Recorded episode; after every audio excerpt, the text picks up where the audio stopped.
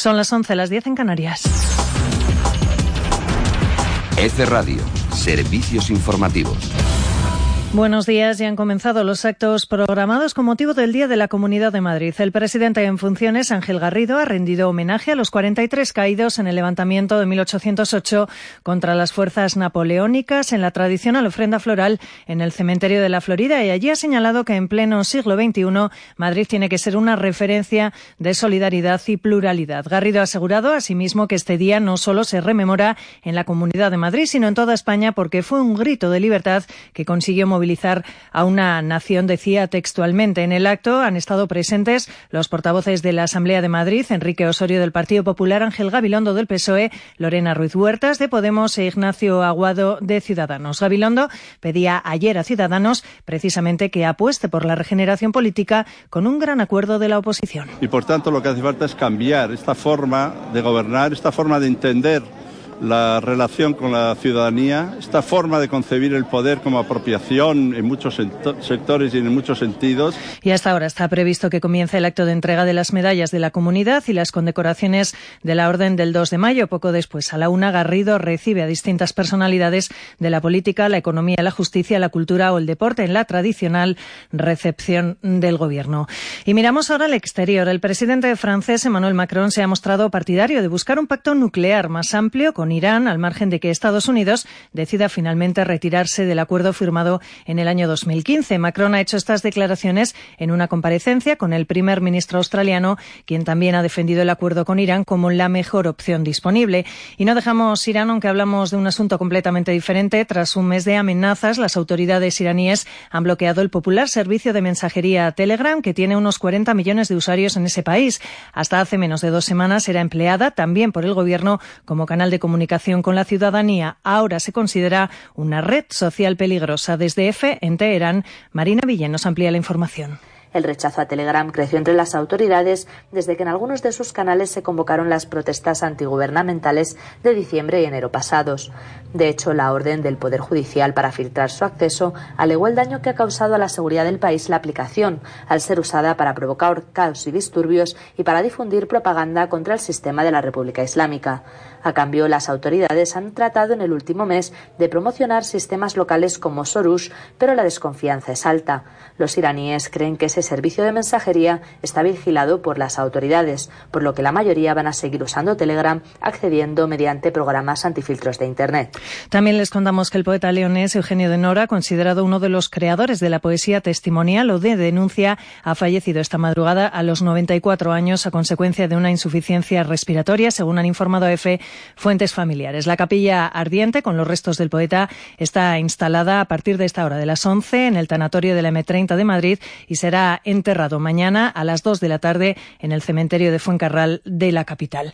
Acabamos ya, lo hacemos con la previsión del tiempo para las próximas horas. Agencia Estatal de Meteorología, buenos días. Buenos días. La llegada de un frente atlántico poco activo por el noroeste peninsular nos deja hoy miércoles cielo bastante cubierto con precipitaciones en Galicia y Asturias, lluvias que ya por la tarde también se irán extendiendo hacia el resto del Cantábrico y puede que el norte de Castilla y León, Alto Ebro y los eh, Pirineos. La cota de nieve en esta zona se queda por encima de los 1.500 metros y poco a poco durante la jornada irá ascendiendo. La nubosidad también se extenderá con el paso de las horas a la vertiente atlántica. No descartamos alguna lluvia débil en el litoral oeste andaluz y a una de estas primeras horas se podría quedar algún chubasco ocasional en el este de las Baleares, pero por lo general en el resto del país y durante todo el día, jornada mucho más tranquila, estable, con predominio de nubes medias y altas. En las Canarias, algún intervalo en las islas de mayor relieve y el viento sopla fuerte en la desembocadura del Ebro. De hecho, se activan avisos de nivel amarillo en el prelitoral sur de Tarragona y en el interior norte de Castellón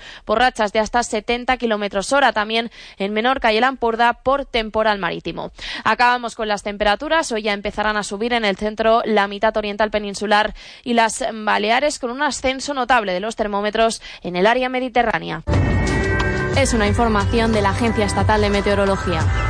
Y un último apunte económico. El PIB aumentó un 0,4% tanto en la zona del euro como en el conjunto de la Unión Europea en el primer trimestre del año 2018. Es todo. Volvemos en una hora. F Radio. Servicios informativos. ¿Sabías que hay una nueva forma de hacer radio?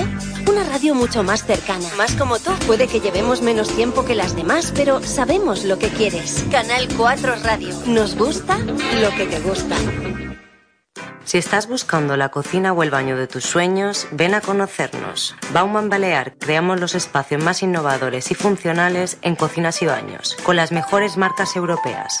Damos vida a tus ideas y aportamos toda nuestra experiencia para que vivas mejor baumanbalear.com, Ausías Mark 5, Palma. Síguenos en Facebook. Bauman Balear. Oye, ¿tú colchones a alguien que no tenga un buen colchón en el que descansar? Pues sí, yo mismo. ¿En serio? ¿Por eso estás de mal humor? No me toquen los colchones y entérate que los mejores están en Hipermueble de Calle Aragón y en Hipermueble de Mallorca Fashionable. Pues para allá que voy, con dos colchones. Hipermueble echándole colchones a la vida. Pastor transforma el hormigón prefabricado en tu hogar. Compromís en la sostenibilitat, eficiència energètica, qualitat constructiva, temps de construcció incomparable, 4 mesos, sense sorpreses amb el pressupost final. Demana el pressupost de la teva casa prefabricada a pastor arroba pastorsa.com i consulta a Facebook Cases Prefabricades. Can Jaume Artesans, carn d'excel·lent qualitat. Som una carnisseria a la carta. Vostè demani i nosaltres ho elaborarem. Pot fer la seva compra en el nostre establiment del Mercat de l'Olivar o també des de la nostra nova aplicació mòbil. La nostra premissa, la vostra satisfacció. Can Jaume Artesans, en el Mercat de l'Olivar, a Palma. 4 y Grupo Corsa se unen para sortear un Osmotic, el depurador de agua número uno en el mundo, con el que podrás beber agua purificada y equilibrada todos los días del año sin elementos químicos y sin necesidad de obras. Asociate al Club de Socios Club 4 de manera gratuita y entra en este y en todos los sorteos mensuales. Recuerda www.club4.tv.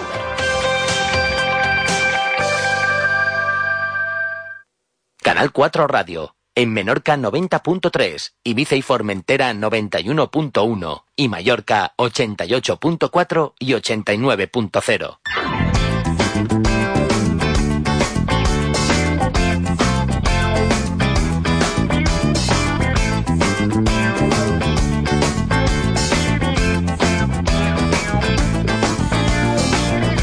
11 de la mañana, 7 minutos. Estamos con Javier Balasc, delegado de Grupo Corsa en Baleares. Eh, Grupo Corsa nos propone un em, propósito muy beneficioso para nuestra salud y muy fácil de cumplir, beber más agua. Pues sí, Yolanda, muy buenos muy días. buenos días. Mira, podemos afirmar que beber unos dos litros de agua al día es muy saludable para nuestro organismo. En esto creo que estaremos todos de acuerdo. Parece fácil, ¿no, Yolanda? Yo creo que sí. Pero no lo es para muchas personas porque no tienen el hábito de beber. Esto es facilísimo si disponemos de agua fácil de beber, que te apetece beberla, que siempre la tenemos a mano y no se acaba nunca. Esta es el agua de Osmotic. ¿Cómo es el agua de Osmotic? ¿Qué la hace diferente a otras aguas? Pues mira, el sabor, exquisito. Agua, pues que solo sabe agua. Es un agua muy ligera, que cuando la bebes, pues pasa bien. Sabes que hay otras aguas, pues que te hinchas enseguida, que cuesta beberlas, que te hartas. Con el agua de Osmotic bebes y te apetece beber más. Por lo que se cumple muy fácilmente, pues esos dos litros diarios que nos recomiendan normalmente beber cada día como mínimo, ¿no? También facilita beberla, pues bueno, el hecho que la tienes por el grifo en casa sin necesidad de comprarla, claro. Sin comprarla, que es un ahorro, pero también una gran comodidad y una parte un aporte importantísimo al medio ambiente al no generar residuos plásticos. Sí, es el agua de nuestra casa, la de la red, que ya pagamos en el recibo de la compañía de suministro. Mira, la materia prima está en casa, sin costes añadidos. El resto de trabajo, pues lo hace Osmotic y nosotros a disfrutar de agua buena, saludable, la que nos suministra el grifo de Osmotic, que es un grifo inteligente. Además de un diseño precioso, Javier, ¿qué significa que el grifo de Osmotic es inteligente? Pues mira, el grifo eh, de Osmotic, cada vez que lo abrimos, analiza el agua. Si es correcta, se enciende una luz azulada y si no lo fuera, se encendería una luz rojiza. Nos, avisa, nos avisa con sonidos porque Osmotic tiene alertas luminosas y acústicas también, no solo para la calidad del agua, sino también para el funcionamiento del equipo. Lo que significa, mira, que podemos estar tranquilos. Autochequea su sistema cada 36 segundos. Está fabricado con material bacteriostático y con lámpara ultravioleta, ultravioleta perdón, que es el agua más segura que existe sin duda único de apurador de agua con todas estas funciones en el mundo. Hoy, aquí en Canal 4 Radio Televisión, vamos a regalar 25 Osmotic de premio para los 25 primeros oyentes que nos llamen. Osmotic, su agua exquisita de sabor y la más segura. Segurísima, pero no solo lo decimos nosotros, sino sus certificaciones lo avalan, como la certificación UNI de calidad. Osmotic es el purificador de agua libre de bisfenol A certificado por el prestigioso laboratorio Oliver Rodés. Es decir, que el Osmotic trabaja para ti y tú a disfrutar del agua buena y segura en este mes de mayo de nuevo Corsa te facilita conseguir un Osmotic gratis. Pues sí, mira, con la más exitosa de nuestras promociones, Osmotic gratis, solo comprometiéndose a realizar el plan de mantenimiento del equipo con nosotros. ¿Por qué?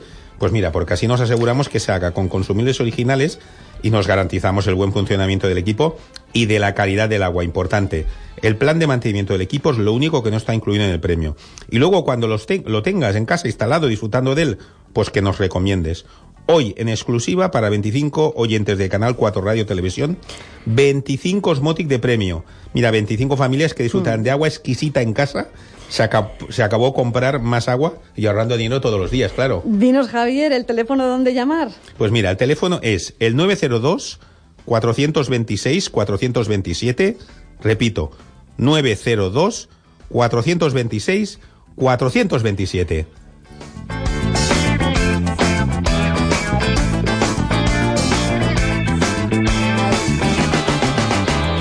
Javier Balás, delegado del Grupo Corsa en Baleares, muchísimas gracias. Gracias a vosotros, feliz día y adelante en las llamadas y suertes a los oyentes. Y muchísima suerte, ya lo saben.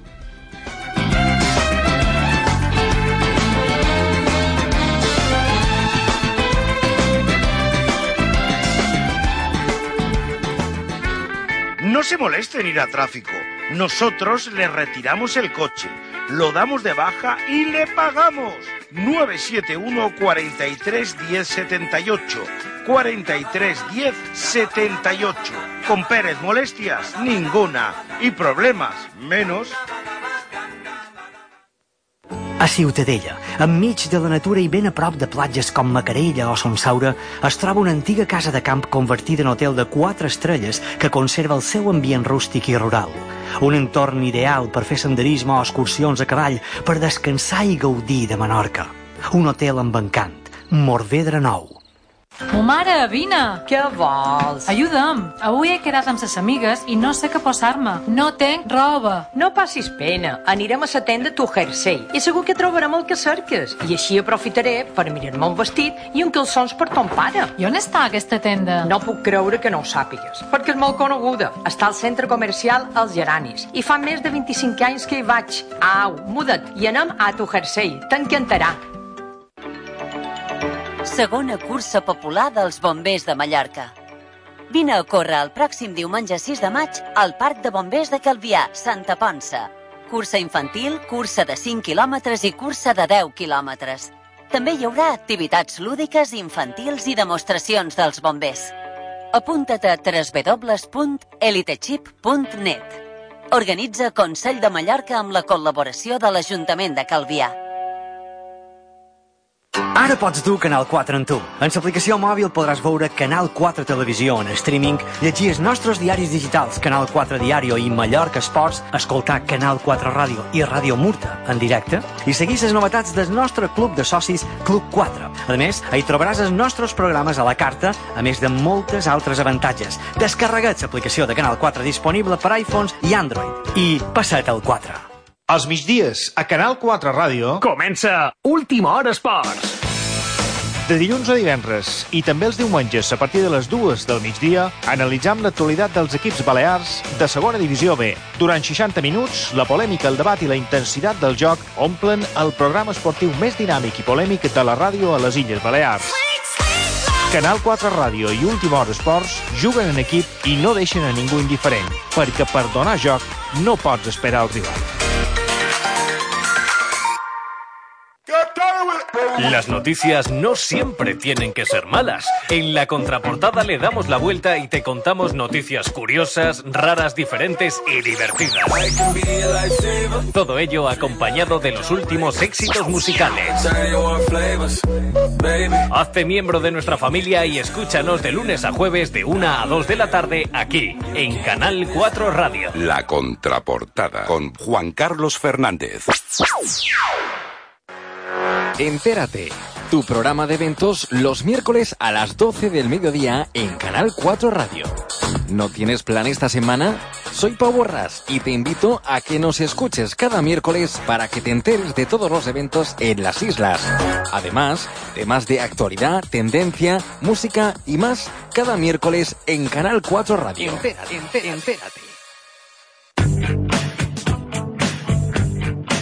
Todos los sábados desde las 2 del mediodía, Miquel Ramón repasará aniversarios y hechos importantes de la historia de la música y te conducirá por las mejores versiones, rarezas y directos en Canal 4 Radio. Súbete con nosotros en el taxi de las versiones.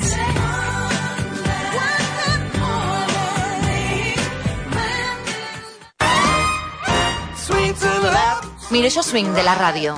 Todo sobre gastronomía y golf de nuestra comunidad. Un programa divertido, ameno, donde todo gira en torno a la gastronomía y el golf, aunque los verdaderos protagonistas son nuestros invitados. Cuatro horas de radio trepidante con mucho humor y alguna que otra sorpresa. Ah, y esta temporada con un toque femenino. Sábados tarde de 16 a 20 horas.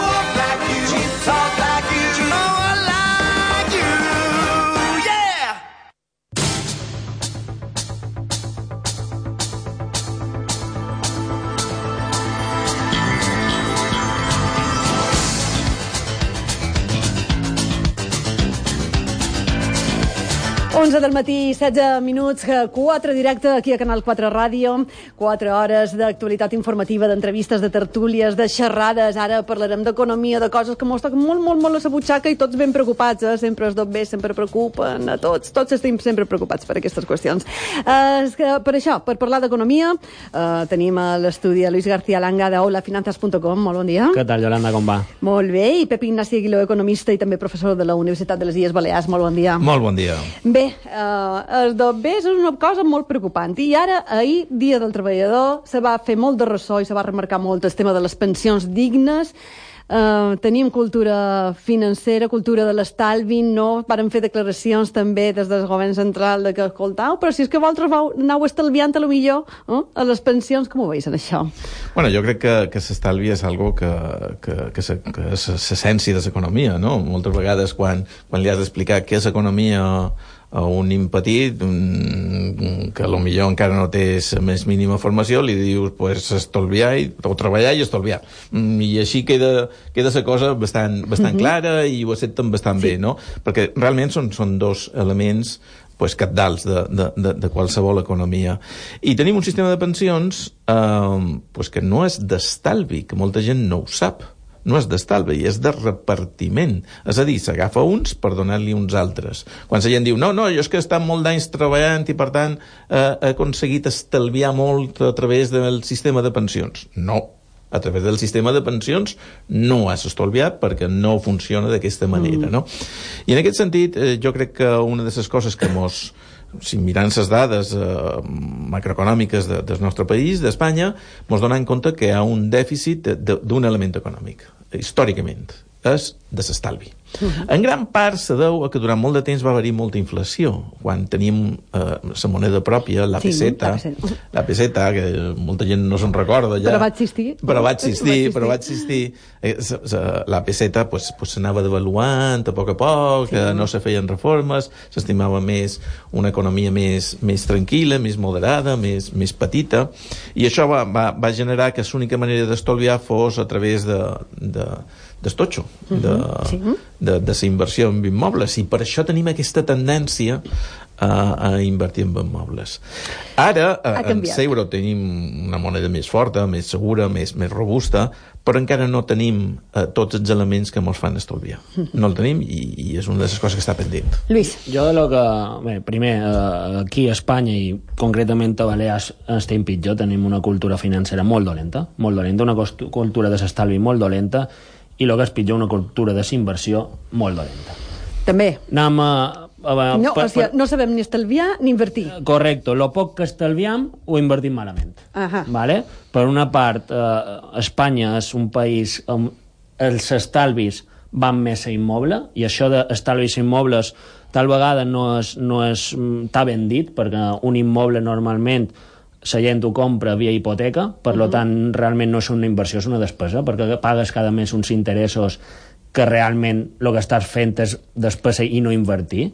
És a dir, un, un actiu d'inversió t'ha de remunerar, no has de pagar tu per ell. Uh -huh. no? pues normalment... Però un... tenim, tenim aquesta cultura que ve d'aquella època Uh, uh, uh, en què Claro. En dius... la única manera d'estalviar era tenir una, una I, casa. i, I després sents frases com és que s'immoble és el més rendible que hi ha i és absolutament mentida. O sigui, dir No és això... així. No és així, perquè dir això equivaldria a dir que les empreses, que són les que produeixen creixement econòmic, guanyen més via s'immoble on fan feina que des negoci.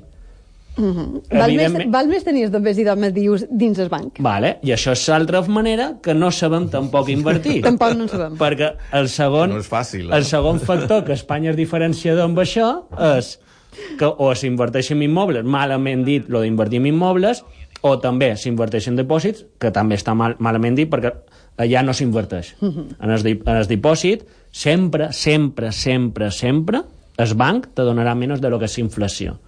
Què és inflació? Amb 1.000 euros d'avui, Sí? te pots comprar el que sigui. Què te podràs comprar amb aquests 1.000 euros d'aquí 10 anys? Algo més petit. Algo bastant menys. La diferència és inflació, i això la gent no ho té en compte. Quan un banc te dona un 2% és que la inflació està en el 2,5. Sempre, perquè és el negoci del banc, I directament. sempre donen menys. I sempre donaran menys. Per lo tant, s'inverteix malament o via immobles o via estalvi. I això només passa a Espanya. Miram dades que estan públiques sí. d'altres països on s'estalvi és residual pel dia a dia, que hem patit matalàs, per te, la teva despesa de la penya serrentadora, pues tenc algo i no de desinvertir, o bé en immobles quan altres països ni molt menys. Ja no te dic tenir la vivenda habitual sí. comprada, que com que es part de lloguer a Espanya no està ben parit, pues, mira, encara ho puc entendre, però tenir segones, terceres vivendes, especular en immoble, ser pseudopromotors, gent particular que se financia per, per fer-ho, és una autèntica aberració financera. I què hem de sortir fer? bé, si hi ha loteria i agafes el moment Sí, àlgid, però normalment te sortirà malament. I què hem de fer? Què hem de fer? Tenim els dobbers, tenim quatre duros a la butxaca, què hem de fer? Bueno, acudir al despatx de... Veure, No, no estaria preparat. clar, clar, perquè escolta, en el banc, escolta, alerta en la inflació. Uh, uh, que, uh, immobles, escolta, alerta, no, perquè això no són maneres d'invertir. Pues- Bé, pues, si tenim, si tenim quatre duros, els que se tingui, eh? Pues- I, i diguem, escolta, pues que podem no- fer, per- puc fer una petita inversió. Per no fer-me promoció i donar peu, peu a en Pep Ignasi, que Sí. d'això en sap també molt, Sí. Tenir cultura financera, formar-se un poquet. Això és bàsic per la gent. O sigui, quan compram un telèfon mòbil, sí. la gent sap exactament el que està comprant. Que si Claro. megapíxel, que si memòria, que si pantalla de no sé quantes pulgades, que si no sé què, si és iOS, que si és no sé què... I un mòbil que te pot costar. Quina, què t'afectarà això a la teva vida econòmica? Evidentment, te pot afectar, Depèn. però t'afectarà més la hipoteca, t'afectarà més i tant. la jubilació. Mm. Això t'afecta molt més. I què fas? Vas al banc, li demanes quin tipus d'interès te donen o quin fondo tenen, que, que encara és, pot ser pitjor que t'ofereixin un fondo. Sí. Perquè els fondos són el millor vehicle d'inversió per un partit estalviador, de moment, fins que les pensions privades també no facin un canvi. Les privades, ja no te dic les públiques, de moment és els fons d'inversió, però escolta, que hi ha fons d'inversió molt dolents i, i pot ser pitjor remei que l'enfermedat, eh? O sigui que, per això, cultura, per favor, cultura financera, mos hem de prendre en sèrio que els estalvis costa molt de guanyar dobbers.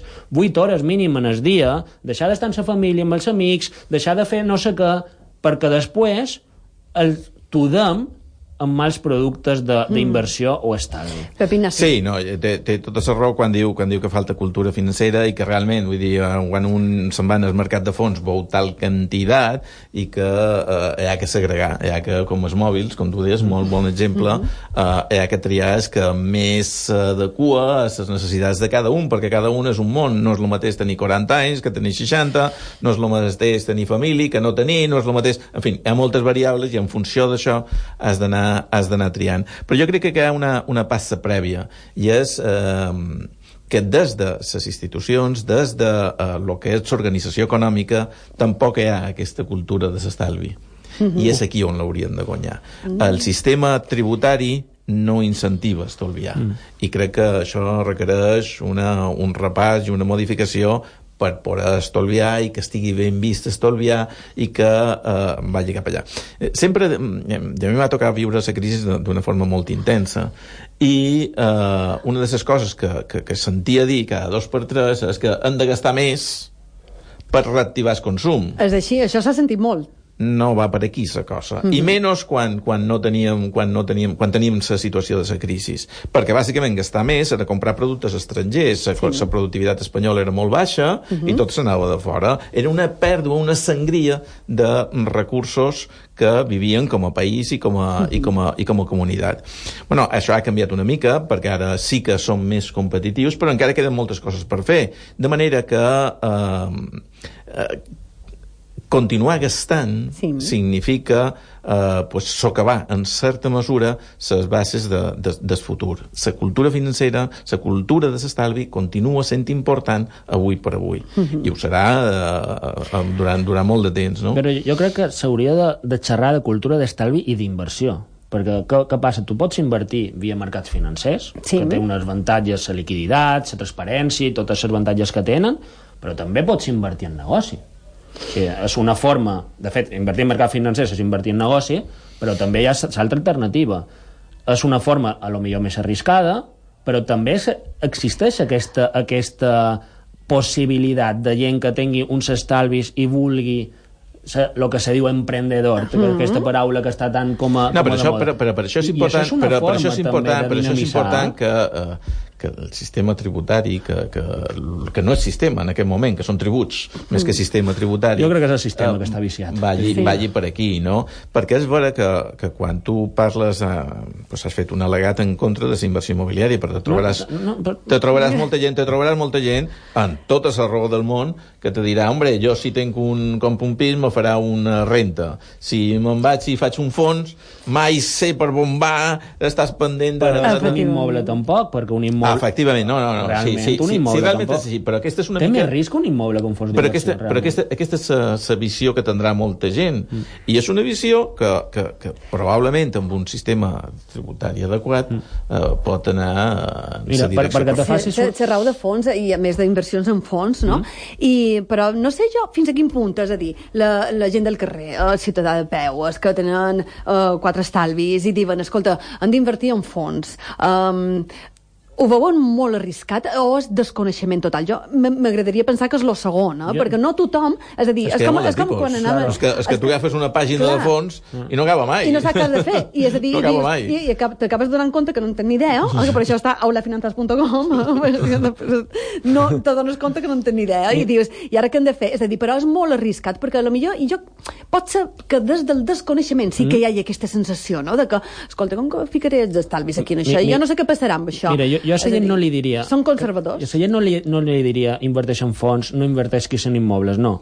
Li diria, estudia bé el que fas, uh -huh. analitza bé el que fas, forma't un poquet, perquè a lo millor depèn de com una inversió immobiliària pot ser bona. Sí. Per exemple, lo de la vivenda habitual, amb els joguers que hi ha, no te dic que sigui, que sigui dolenta, ni molt menys. Una segona residència per tenir un joguer que te canviïn la llei, que no sé què... Ojo, ojo, que això ja te diria que no però depèn, tu trobes, vas a la Sareb, te donen un pis regalat, mm -hmm. i a lo millor és inversió de la teva vida, no ho sé. O un fons, no te diré mai fes fons, perquè aniràs a una banca comercial típica de ses grans i te vendran els fons que li s'interessa vendre. Per lo tant, tampoc te diré inverteix en fons. Mira bé els fons que hi ha. Hi ha molts.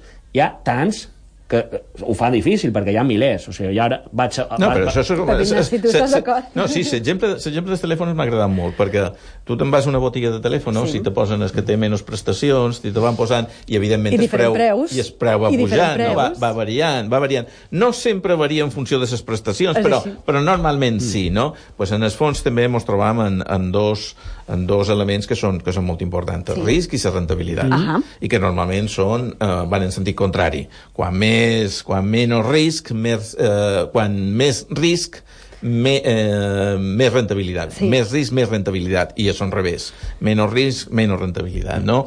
Bueno, pues, eh, dins aquest ventall pues, podrien col·locar-los tots. No, sí. Normalment no se fa, però podrien estar col·locats ordenadament, mm -hmm. com, com a les botigues de mm -hmm. telèfon que estan ordenats. Sí. I seria una mica més fàcil eh, fer-ho. Aquesta és la labor que han de fer, Clar. que han de fer els comercials de, de la cosa. Però és que lo, lo dolent és que un, algo tan important no hauríem de deixar en mans dels comercials, ¿vale? perquè no ho feim amb el mòbil. La gent sí. normalment va a comprar un mòbil i ja sap quin mòbil ha de tenir. Per què? Perquè ho mira. Mira foros, mira, miren característiques i, i a lo millor ja vas a una tenda, ho compres per internet, anar a tiro fixo perquè vols aquest. S'ho saben tot. O sigui, i per mirar un, S'estudia tot. per mirar un fondo que és simple, en 10 minuts una persona amb coneixements molt bàsics, perquè Mm. tampoc hem de menester que tots siguin experts, me quedaré sense feina si faig tots experts financers, vale?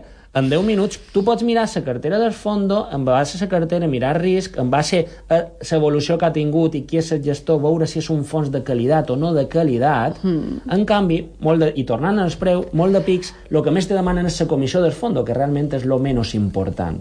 ¿vale? Sí. Perquè en el fons la comissió és intrínseca en el fons, és a dir, afecta a la rendibilitat, no, no se cobra directament. Per lo tant, la gent ha de saber quatre bases. O sigui, jo tenc a YouTube mil webinars uh -huh. explicant com, sí. uh, com mirar un fons d'inversió. Tenc mil articles que són gratuïts, ja no es fa publicitat perquè no són gratuïts, tot, tot això és gratuït. Que gent ho miri, miri un poquet perquè val molt la pena i aniran al seu banc on té la nòmina, que me sembla molt bé que els bancs te facin banca comercial i te donin una targeta i te cobrin si te volen cobrar o no te cobrin, m'és igual, m'és igual. Però el que no me va bé és que te venguin uns fons d'inversió que són molt dolents, que dins la cartera del fons, perquè un fons d'inversió és una cartera d'actius, hi ha Sí. accions, hi ha renda fixa, pot haver actius immobiliaris indirectes, vale? hi ha moltes coses allà ficades, que el banc, molt de pics, amb aquestes carteres tenen els seus interessos i entren a Consell d'Administració d'Empreses, Mm. tenen propietat d'empreses, tenen relació entre bancs, amb, amb, aquest, amb aquests factors. Per lo tant, Mos hem de mirar tot, no?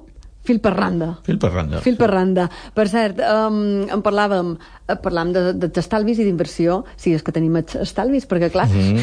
Però lo primer, eh, aquesta és una lo primer, altra. lo primer és això, i que això és I, important, i, no? I, i, És sobretot, important. i sobretot en les reivindicacions del dia d'ahir, eh, que amb, amb les pensions, amb Mm. els salaris, avui de matí precisament parlàvem amb, eh, amb el secretari general de, de Construcció i Serveis de Comissions Obreres, no, amb en Miguel Pardo, avui aquí de matí, i, i mos comentava, és que hi ha salaris de 700 euros Mhm. i, o 740 euros i, i diu, clar, aquestes situacions no poden continuar així. Com estalviam amb aquestes No, situacions? està, està difícil estalviar, no? I aquí és on, on jo crec que, que sí que ha de fer una... una que, que aquí està molt més difícil tenir la cultura de- de- d'economia que li fa falta en el país, això és molt més Clar. complicat. Però sí que, que ha que intentar-ho i que ha que tirar cap endavant. Eh, eh, els economistes ho tenim molt clar. Si el país té competitivitat, si és productiu, si l'aparato eh, sí. econòmic és productiu, pues, eh, els salaris seran més bons. I si no, els salaris seran més dolents. I això passa, i això passa per moltes coses. Passa per fer moltes reformes, passa per... En fi, passa per, per molt d'elements que no són bons d'explicar ni Mhm. bons de treballar. Mhm. I en aquest sentit, eh, tu dius, bueno, per què a Alemanya els salaris són més alts que a Espanya? Sí, per exemple. No tenen una genètica diferent, ho puc, uh, ho puc assegurar. Eh? Uh, estic totalment segur que no són diferents en res, sinó que tenen una estructura econòmica que està més adequada a lo que és la realitat econòmica de la que tenim nosaltres. Moltes vegades, eh, de vegades ens alegram perquè un determinat lobby aconsegueix un determinat privilegi de cara el govern, i això va en detriment de tota l'economia. Mhm. Uh, no ho veiem, veiem que, que, que, que pareix que hi ha un consens, que el conseller o el, o el ministre de torn se posa de medalla de que ha arribat un consens i això està fent un mal general a tota l'economia. I aquí és on hi ha que, que treballar i no és gens fàcil perquè uh, romp una mica l'estatu quo i tots estem bé, l'estatu quo. A Santa Rita, Santa Rita, que me quede que com estoy, no? Uh, bueno, pues no. De vegades som, podem ser conscients de que podem estar De que millor. podem estar millor que- i que- Jo crec que ha, donat do, dues claus en sí. Pep Ignacio. Una és que si a dia d'avui les empreses augmenten de productivitat i es, cre- el país creix més, no, ten, no tenen per què eh, els assalariats cobrar més, Mhm. i això és un problema. Mhm. O sigui, s'hauria, tant de convenis i tant d'històries, s'hauria de lligar molt més, però molt més, i és algo que és bàsic i ho demanen totes les institucions internacionals, és lligar salaris a productivitat. I això no se, no se regula fent un conveni que tu per normativa has de cobrar això, no. Anar per Has- producció, no per temps. Has, has d'anar, evidentment, després hi ha molta eh, falta de feina en el puesto de feina, hi ha eh, després se mira malament a l'empresari quan, escolta, l'empresari té tant interès com tu, Mm. però si a ell li imposen una sèrie de eh, convenis, una sèrie de, de, de poca flexibilitat, sí. a lo millor després eh, aquests dobbers no repercuteixen en el salariat i, de fet, tampoc repercutiran a l'empresa, perquè també el, el sentit contrari també no afecta la productivitat. És a dir, en treballadors contents, que si guanya més l'empresa guanyen més, en el final tothom guanya més. Mhm. vale? I això està demostradíssim que empreses que fan això guanyen més. Eh, Estic cansat d'analitzar empreses per temes bursaris sí. I aquestes que tenen una, una política remunera- remunerativa diferent, eh, eh, ja inclús mos ficarien en, en, en temes mediambientals, mos fiquen normativa, molta normativa en, medi, en, en temes mediambientals, justament les empreses que més rendibilitat da, donen són que les que millors eh, consideracions tenen cap en el medi ambient. És a dir, Mhm. en el final una empresa que funciona, funciona. Clar. I això és el que s'ha de... Que tu te digui, no, per, tu per conveni has de, ha de guanyar tant. Mm, Crec que sí que ha d'haver uns salaris mínims, això és evident. Han de lluitar contra la precarietat laboral, per això se fa també amb més inspeccions. Mm. Però després lligar molt més Està, això. està perquè a difícil, reivindicacions de dècades, eh? No, sí, no, i, i, i és molt complicat perquè és impopular en moltes Claro. ocasions. No, eh? i- i lleva vots, vista- i lleva vots, I que lleva era vots, la segona- eh? segona Vull blau, lleva vots. Eh, i hem de recordar que mm, ara vivim un moment de prosperitat, no? Ara Sí. pràcticament totes les institucions estan parlant de superhàbits, en fi, les coses van molt bé, així. veïns les carreteres que estan plenes, en fi, tot va bé. Però no mos hem d'oblidar de on ve tot això, Mm. perquè fa vuit anys no estàvem així. I eh, fa vuit anys se va iniciar un procés de, de, de canviar les coses, de fer reformes. Per exemple, un exemple que tothom entendrà. Tenim una normativa a, Sí. a Balears que prohibia eh, pues, reformar hotels o que no donava facilitats per reformar hotels. I clar, la gent se torna gran necessita un ascensor mm, se, mm, té més renta, vol un spa i molts d'hotels no podien eh, eh, adaptar-se a aquesta realitat. De manera que, i no podien adaptar-se per una normativa que havien demanat els propis hotelers en el seu moment, allà en els anys 80-90 i ho havien demanat perquè, perquè estan en un mercat competitiu és difícil, a ningú li agrada eh? i estàs molt nerviós sempre eh? menys si m'ho fotran Més els si- si és clients així, és menys si, La competència si, és competència. si poso un preu una mica més elevat de confort, me el fogiran que has dit, tots la zona de confort. me fogiran tots, etc etc. Bueno, eh, quan no va quedar més remei, se va canviar la normativa i ara podem veure els hotels i comparar-los, els que tenim ara, sí. amb els que teníem fa només 8 anys o 6 anys. No tenen res de veure, eh? és com si, teni, si te comparen un 600 amb un... Amb un Ferrari. Amb un Ferrari, quasi, quasi. No té res de veure. Tu ara tu vas a un hotel d'aquests de la platja de, de Palma eh, renovats i realment és competitiu.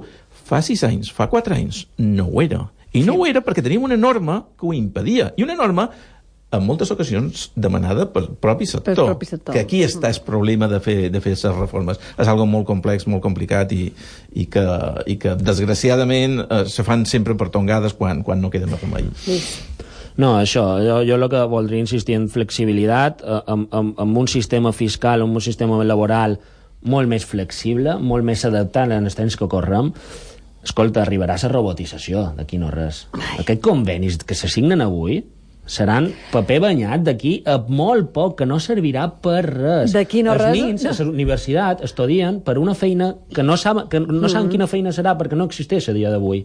És a dir, això, si no hi ha una flexibilitat normativa, si no hi ha una fiscalitat també eficient en aquest sentit, apaga i vámonos. És per, per... Jo de vegades som un poc catastrofista. Però, però per donar una, una, un, un flash eh, important, eh, i, i ho dic perquè també me va tocar viure-ho en primera persona, eh, tenim Seuro. Seuro és una garantia. Mm. No? Vull dir, quan... És una garantia. Per Però què? no poden dependre no, no, no, sempre no, no. de- Dic que és una garantia perquè eh, quan venien crisis, quan teníem passat, eh, el que se feia és mm, governants de torn, les darreres per mi va ser en Felipe González, mm. era baixar el preu de la passeta, era mm, baixar la cotització de la passeta. Mm. Pum, pam, tots més pobres. I tot, no, no importa fer res. Mm. Som més pobres respecte a França, som més pobres respecte, respecte a altres països i aquí no ha passat res. No, no pot ser mai. I en canvi ara, en canvi ara, estant a euro, si te trobes que te venen mal dades, no te queda més remei que fer les coses una mica Una millor. mica ben fetes. Una mica ben fetes. Entre, no se entre pot, tots, en el final no hi ha se com a pot més camuflar, control. Ah? efectivament. Com a més, com a però més se fa un poc tanta remolc que no sé si realment són eficients. Jo no sé si les mesures que tu deies durant la crisi han estat ni molt menys, jo crec que no han estat ni molt menys suficients, que han estat més parxes Carai. que no altres... Carai, que, podem discutir. tenim, mira, Escolta, tenim... aquest tema, aquest tema la setmana que ve el discutirem, eh? però en profunditat. Eh? Això és de les reformes i veurem si hi ha control o no hi ha control. Hem trobat aquí... No, no, jo, jo entenc aquí... que en Lluís, jo entenc en en Lluís que, que li agradaria anar molt més enllà. Sí, és no? que de vegades Jo- ho jo- xerrar, ja, Jo, jo, no? jo ho és- entenc. i és difícil, eh? I de vegades però, és difícil. Però quan, quan, quan te fiques a fer coses... Eh, les coses no són tan fàcils No i quan se fan fàcils. dius gràcies. Gràcies. Eh? Sí. Lluís García eh, Langa, d'aulafinances.com, Pep Ignasi Aguiló, economista, professor de la Universitat de les Illes Balears. És un plaer aquesta I- xerrada amb vosaltres, igualment. que estigueu aquí compartint aquesta estrena avui en jo, eh? ben contenta i ben agraïda, aquí a 4 Directe, Canal 4 Ràdio. M'apuntaré aquest tema. La setmana que ve en parlarem, eh? A veure, mem, a Ben veure, mem, ben bé, ben com ens sortirem. No, no importa tampoc molt, molt de, de baralla, eh? però sí que segurament en traurem alguna conclusió, no ho sé. Tu saps que un poquet de discutir si m'agrada. Ah, tu sí, tu sí, en Lluís, oh, Lluís. Ja, ja, ja mos coneixem, ja mos coneixem. 11 del matí, 40 minuts, Gràcies. continua a 4, directe, moltes gràcies i que tingueu un bon Moltes dia, per gràcies a cert. tu, moltes gràcies. 11 del, mitú, del matí, 40 minuts, com dèiem, 4 directe, Canal 4 Ràdio. Continuam, encaram ja la recta final fins a les 12 del migdia. Ara pots dur Canal 4 en tu. En l'aplicació mòbil podràs veure Canal 4 Televisió en streaming, llegir els nostres diaris digitals, Canal 4 Diario i Mallorca Esports, escoltar Canal 4 Ràdio i Ràdio Murta en directe i seguir les novetats del nostre club de socis Club 4. A més, hi trobaràs els nostres programes a la carta, a més de moltes altres avantatges. Descarrega't l'aplicació de Canal 4 disponible per iPhones i Android. I passa't al 4. Las noticias no siempre tienen que ser malas. En la contraportada le damos la vuelta y te contamos noticias curiosas, raras, diferentes y divertidas. Todo ello acompañado de los últimos éxitos musicales. Hazte miembro de nuestra familia y escúchanos de lunes a jueves de 1 a 2 de la tarde aquí, en Canal 4 Radio. La contraportada con Juan Carlos Fernández. Entérate, tu programa de eventos los miércoles a las 12 del mediodía en Canal 4 Radio. ¿No tienes plan esta semana?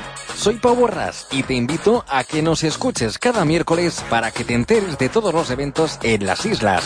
Además, temas de actualidad, tendencia, música y más cada miércoles en Canal 4 Radio. Entérate, entérate, entérate. Estàs cansat de trobar-te als carrers en mal estat? Els cotxes mal estacionats t'impedeixen aparcar quan arribes a casa? Jo no sé vosaltres, però no vos fa ràbia a veure què fem per les platges, en els espais naturals, tot per culpa de quatre incívics. T'indigna trobar i fins i tot trepitjar qualque excrement de ca perquè l'amo ha estat incapaç de llevar-lo? Denuncia-ho. Fes-nos arribar la teva queixa amb una fotografia a través de Canal 4 Diario i ho publicarem, perquè nosaltres som la teva veu. Todos los martes, de 12 a 1 del mediodía, tenemos una cita con Ley y Orden, el programa de sucesos, tribunales y emergencias de última hora y Canal 4 Radio.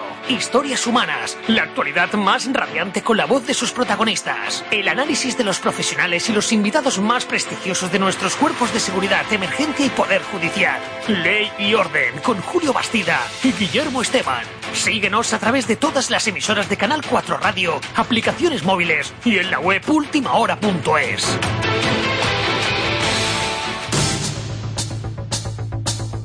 11 i 43 minuts del matí continuam a 4 directe aquí a Canal 4 Ràdio i Televisió simultàniament i rebem ja als estudis eh, els representants de diferents partits polítics de les Illes Balears. Avui ens acompanya Juanjo Martínez d'Esquerra Unida Illes Balears, ell és el coordinador general d'aquesta formació. Com estàs? Bon dia. Molt bon dia. També Mateu Xurí, president d'Esquerra Republicana de Mallorca, com estàs? Bon dia. Molt bon dia, molt bé. I Malena Contestí, vicepresidenta d'Actuar. Què tal? Bon Què dia. tal? Bon dia. Bé, eh, anem per parts, hem de parlar de diferents temes. No, de, parlarem fins que mos arribin el boletí informatiu, com no?, per conèixer les darreres notícies. Avui, tema d'actualitat a tots els diaris. Mm? La doble cotatge, perquè, evidentment, de l'1 de maig fins al dia 31 d'octubre ja sabeu que aquesta tarifa se duplica i per això sé que hi ha hagut alguns estrangers com que s'han sorprès un poc, no? Eh, Què, què en trobeu, Malena? Home, és normal que s'hagin sorprès, més que res perquè és evident que hi ha una desinformació a dia d'avui. És normal que la gent, quan eh, ha demanat unes determinades coses, ha pagat uns servicis pues, per estar a un hotel o per venir a un puesto, vulgui saber què és el que li cobraran. Mm, hi ha hagut moltes queixes, hi ha hotels que inclús eh, s'han tingut que fer responsables per propi, per propi voluntat cap als seus clients, cosa que no tindria que passar, està clar. I, i bueno, eh, aquest tema pues, és un poc delicat. Està clar que en determinats casos es confiscatori. Uh -huh. Nosaltres opinem que és confiscatori perquè també s'apliquen els locals, és a dir, aquí hi ha co diferents coses que observar. Eh, primerament, és un, és un impost que, a més de duplicar-se, eh, se cobrarà, diuen que en si ven se davallarà una mica això. En veritat? Sí, però igualment en els locals també se'ls està cobrant i nosaltres ja pagam molt d'imposts d'aquest tipus, no només en els estrangers. Eh, després, és, és un tema que a llarg plaç, quan la gent vulgui venir a llarg plaç, puja molt el preu. Això hi haurà una repercussió en el tema de la demanda molt fort i és normal que la gent que fa aquest tipus d'oferta estigui preocupada. Uh -huh. és, és confiscatori en aquests casos. Des d'Esquerra Republicana, Mateu. Bueno, jo crec que eh, hi pot haver detalls o hi pot haver problemes informatius com, com de na, na Malena uh, crec que és, és bo i és, i és, és a dir, és lògic que amb una ecotaxa eh, augmentem el preu en, en temporada alta i eh, se disminueixi en temporada baixa.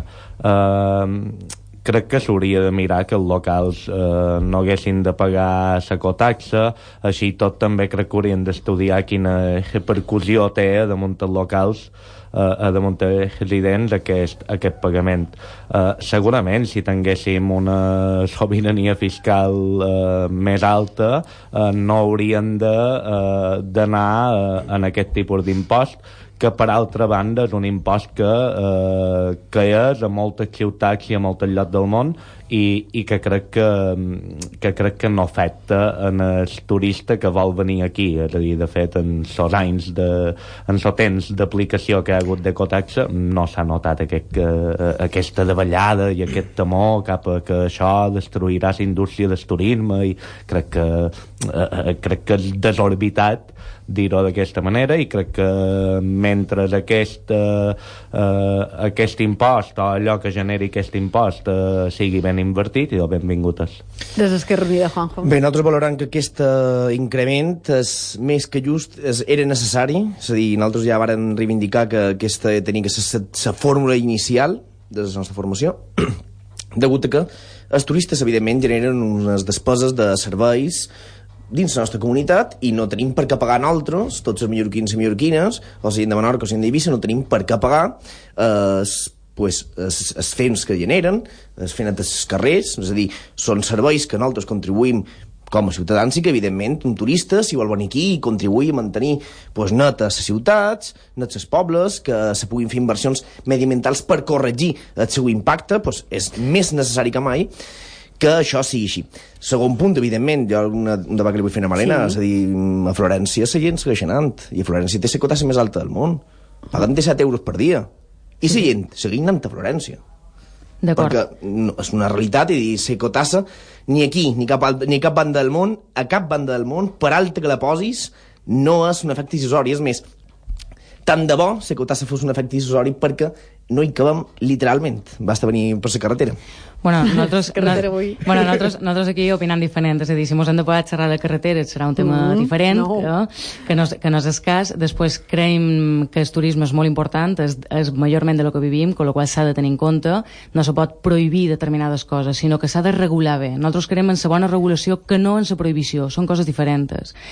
I després, els locals també han de pagar aquestes coses si demandam aquest, aquests serveis. És a dir, nosaltres ja pagam molt d'imposts i, per altra banda, ja pagam imposts medioambientals, com per exemple els de Saigo, que s'està fent amb això. El resultat de l'administració d'aquest impost és pràcticament nula. No, no, no, no, no. sigui, nosaltres no pagam el tema Saigo, eh? Saigo és gratuïta a tot arreu del món. No, no, no és que sigui gratuïta. No, no, no, és que és gratuïta. No, no, és que aquí ja se posen uns imposts en el Legalment, eh? rebut. No, no, se posen uns imposts en el rebut i No, això se supostament se que destina con sa cotassa i no s'està... se- T'estan t'estan cobrant dur-te Saigo que teva i que, i que quan tinguis de que desbàter també hi vagi una tuberia existeixi. És a dir, que és un cobre per producte d'aigua i tot el que se Claro. paga i tots els altres imposts que se paguen per urbanització. Se paga, És sobre- se paga, se paga, tot el que sigui se paga sobreimpost. dur Saigo a Gadeva. Saigo és gratuïta perquè és un dret humà i, Saigo és gratuïta, per això hi ha aquests problemes que tenim, perquè la gent no, té, no prenen consciència de la importància que té l'aigua. Perquè eh, el, tema, el tema és que, evidentment, sí que requereix el tema l'aigua una sèrie d'inversions, no? Ja que la Les fuita d'aigua... desaladores, per exemple, totes aquestes coses que se podrien fer i no se fan, Però repeteix. perquè, mem, però se, se No hi ha tracta- una eficàcia, se no hi ha tracta- una eficiència. Se tracta de ser... Mem, sí que hi ha una certa eficiència, evidentment, perquè nosaltres cada dia gaudim de moltíssim de serveis públics dins d'aquesta comunitat. És a dir, que te duguin l'aigua a teva és un servei públic, que te feina dels carrers és un servei públic, una línia de tren és un, és un servei públic, CMT de Palma és un servei públic, no? sí, i sí. moltíssimes més. I crec que som, francament, eficients en moltíssim de temes. No és un tema d'eficiència. Malena, per, per al·lusions i després en Mateu. Simplement, aquí ens distingiríem en l'eficiència d'aquesta administració i de resultat de pagar tant d'imposts, imposts que a vegades són sobredimensionats, és a dir, xerra en general, els sistemes públics eh, de subministres ja són molt, molt cars, ja pagam molt per tot això, i haurien de mirar fins a quin punt o mos han d'aturar amb això. I després l'eficiència que hi ha, i diu, som relativament eficients, bueno, hi ha moltes coses que se podrien fer en la quantitat d'impost que se paguen i no se fan, i amb això sí que són molt diferents, molt diferents a altres països que cobren. Entonces, si això no és eficient, eh, bueno, una cosa, dèiem, regular bé, s'altres prohibir, i s'altres eh, cobrar exorbitadament i l'administració que se fan amb aquests imposts. Són coses diferents, eh? Mhm. És molt fàcil xerrar.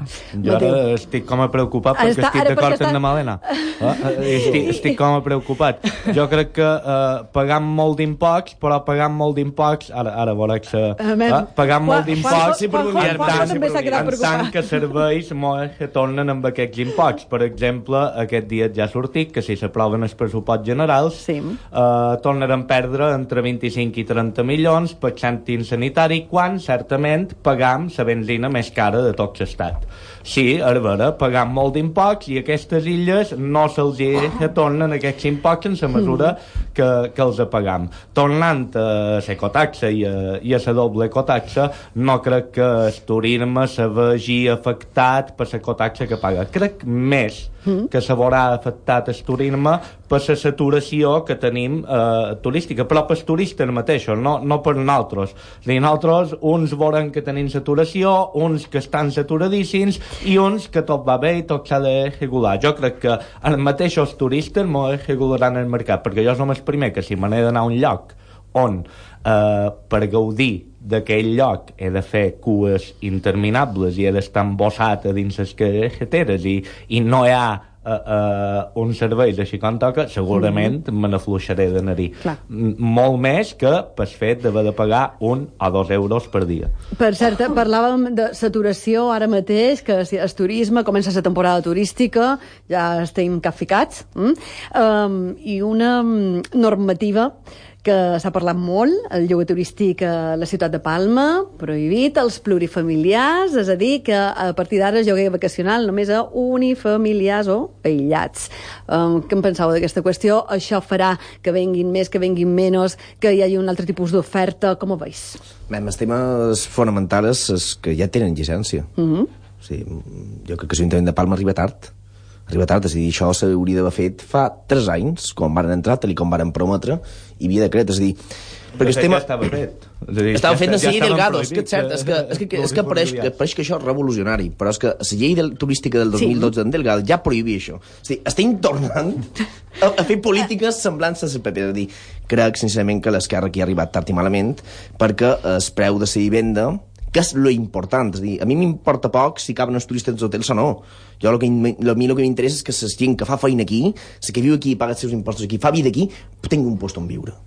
És a dir, fins que no tinguem això garantit, jo me dono igual a rècord de xifres um, en turisme i me dono igual tot, perquè l'important és un treball digne i, evidentment, unes condicions per viure materials, perquè una persona no pot pagar el seu sou sencer, perquè tenim feines precàries que duren sis mesos, destinar-ho a, a un lloc on viure, no? És a dir, hem de tenir en compte això i que, evidentment, aquesta és una passa interessant, interessant. Mm. Ara bé, jo, jo anim en el senyor Noguera i en el govern de Sis Sí. Balears a, a, a prohibir l'activitat. Valena. Jo just lo contrari.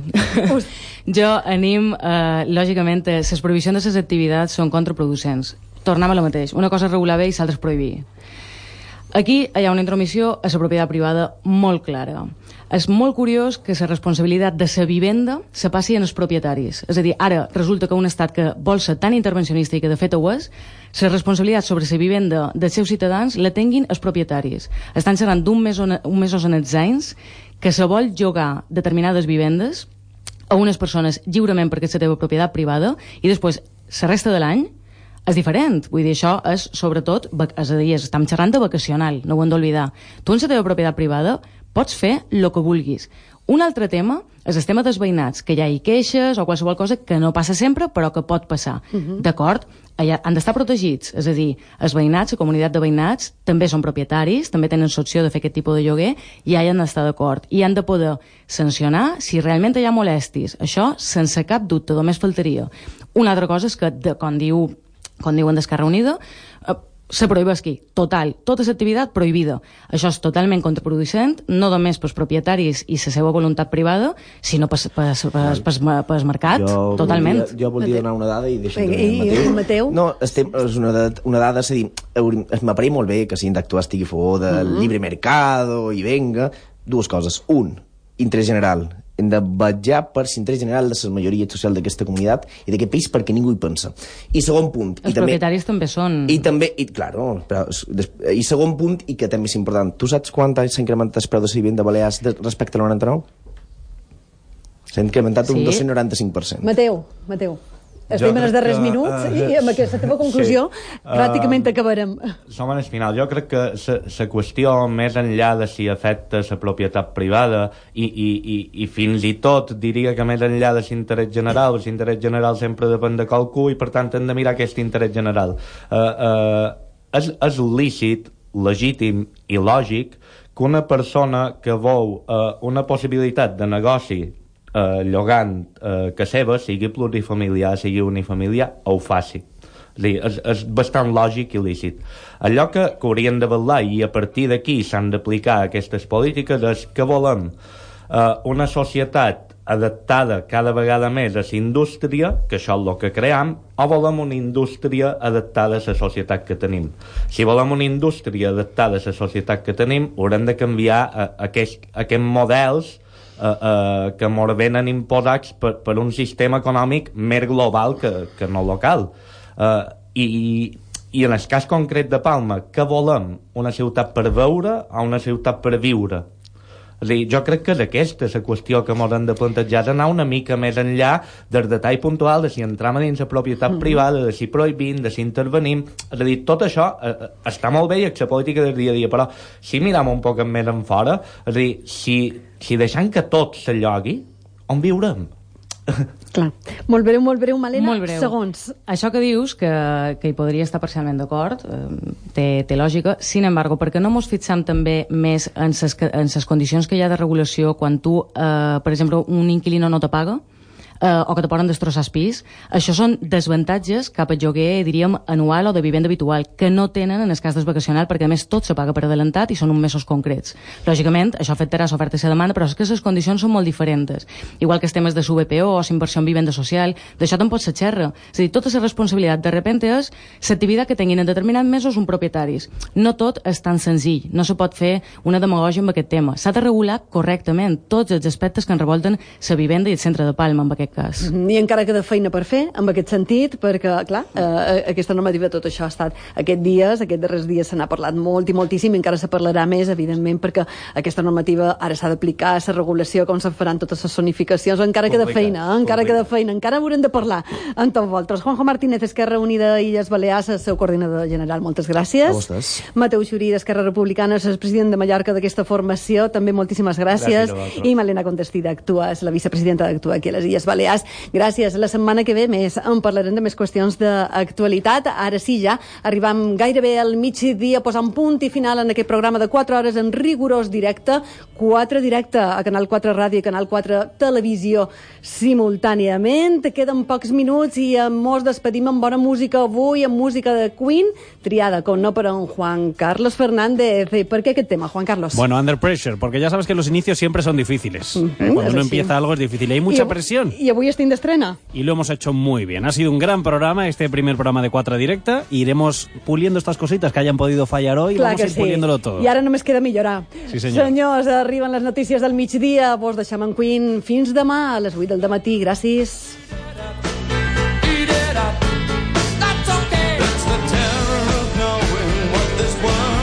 That's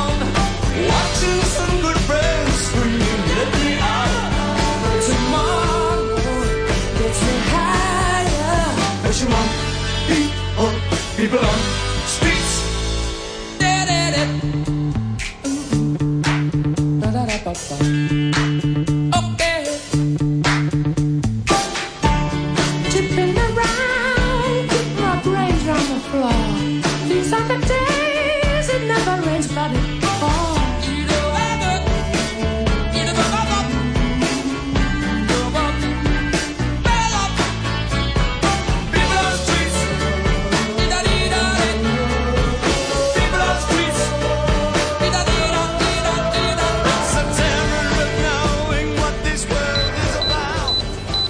Canal 4 Radio. Son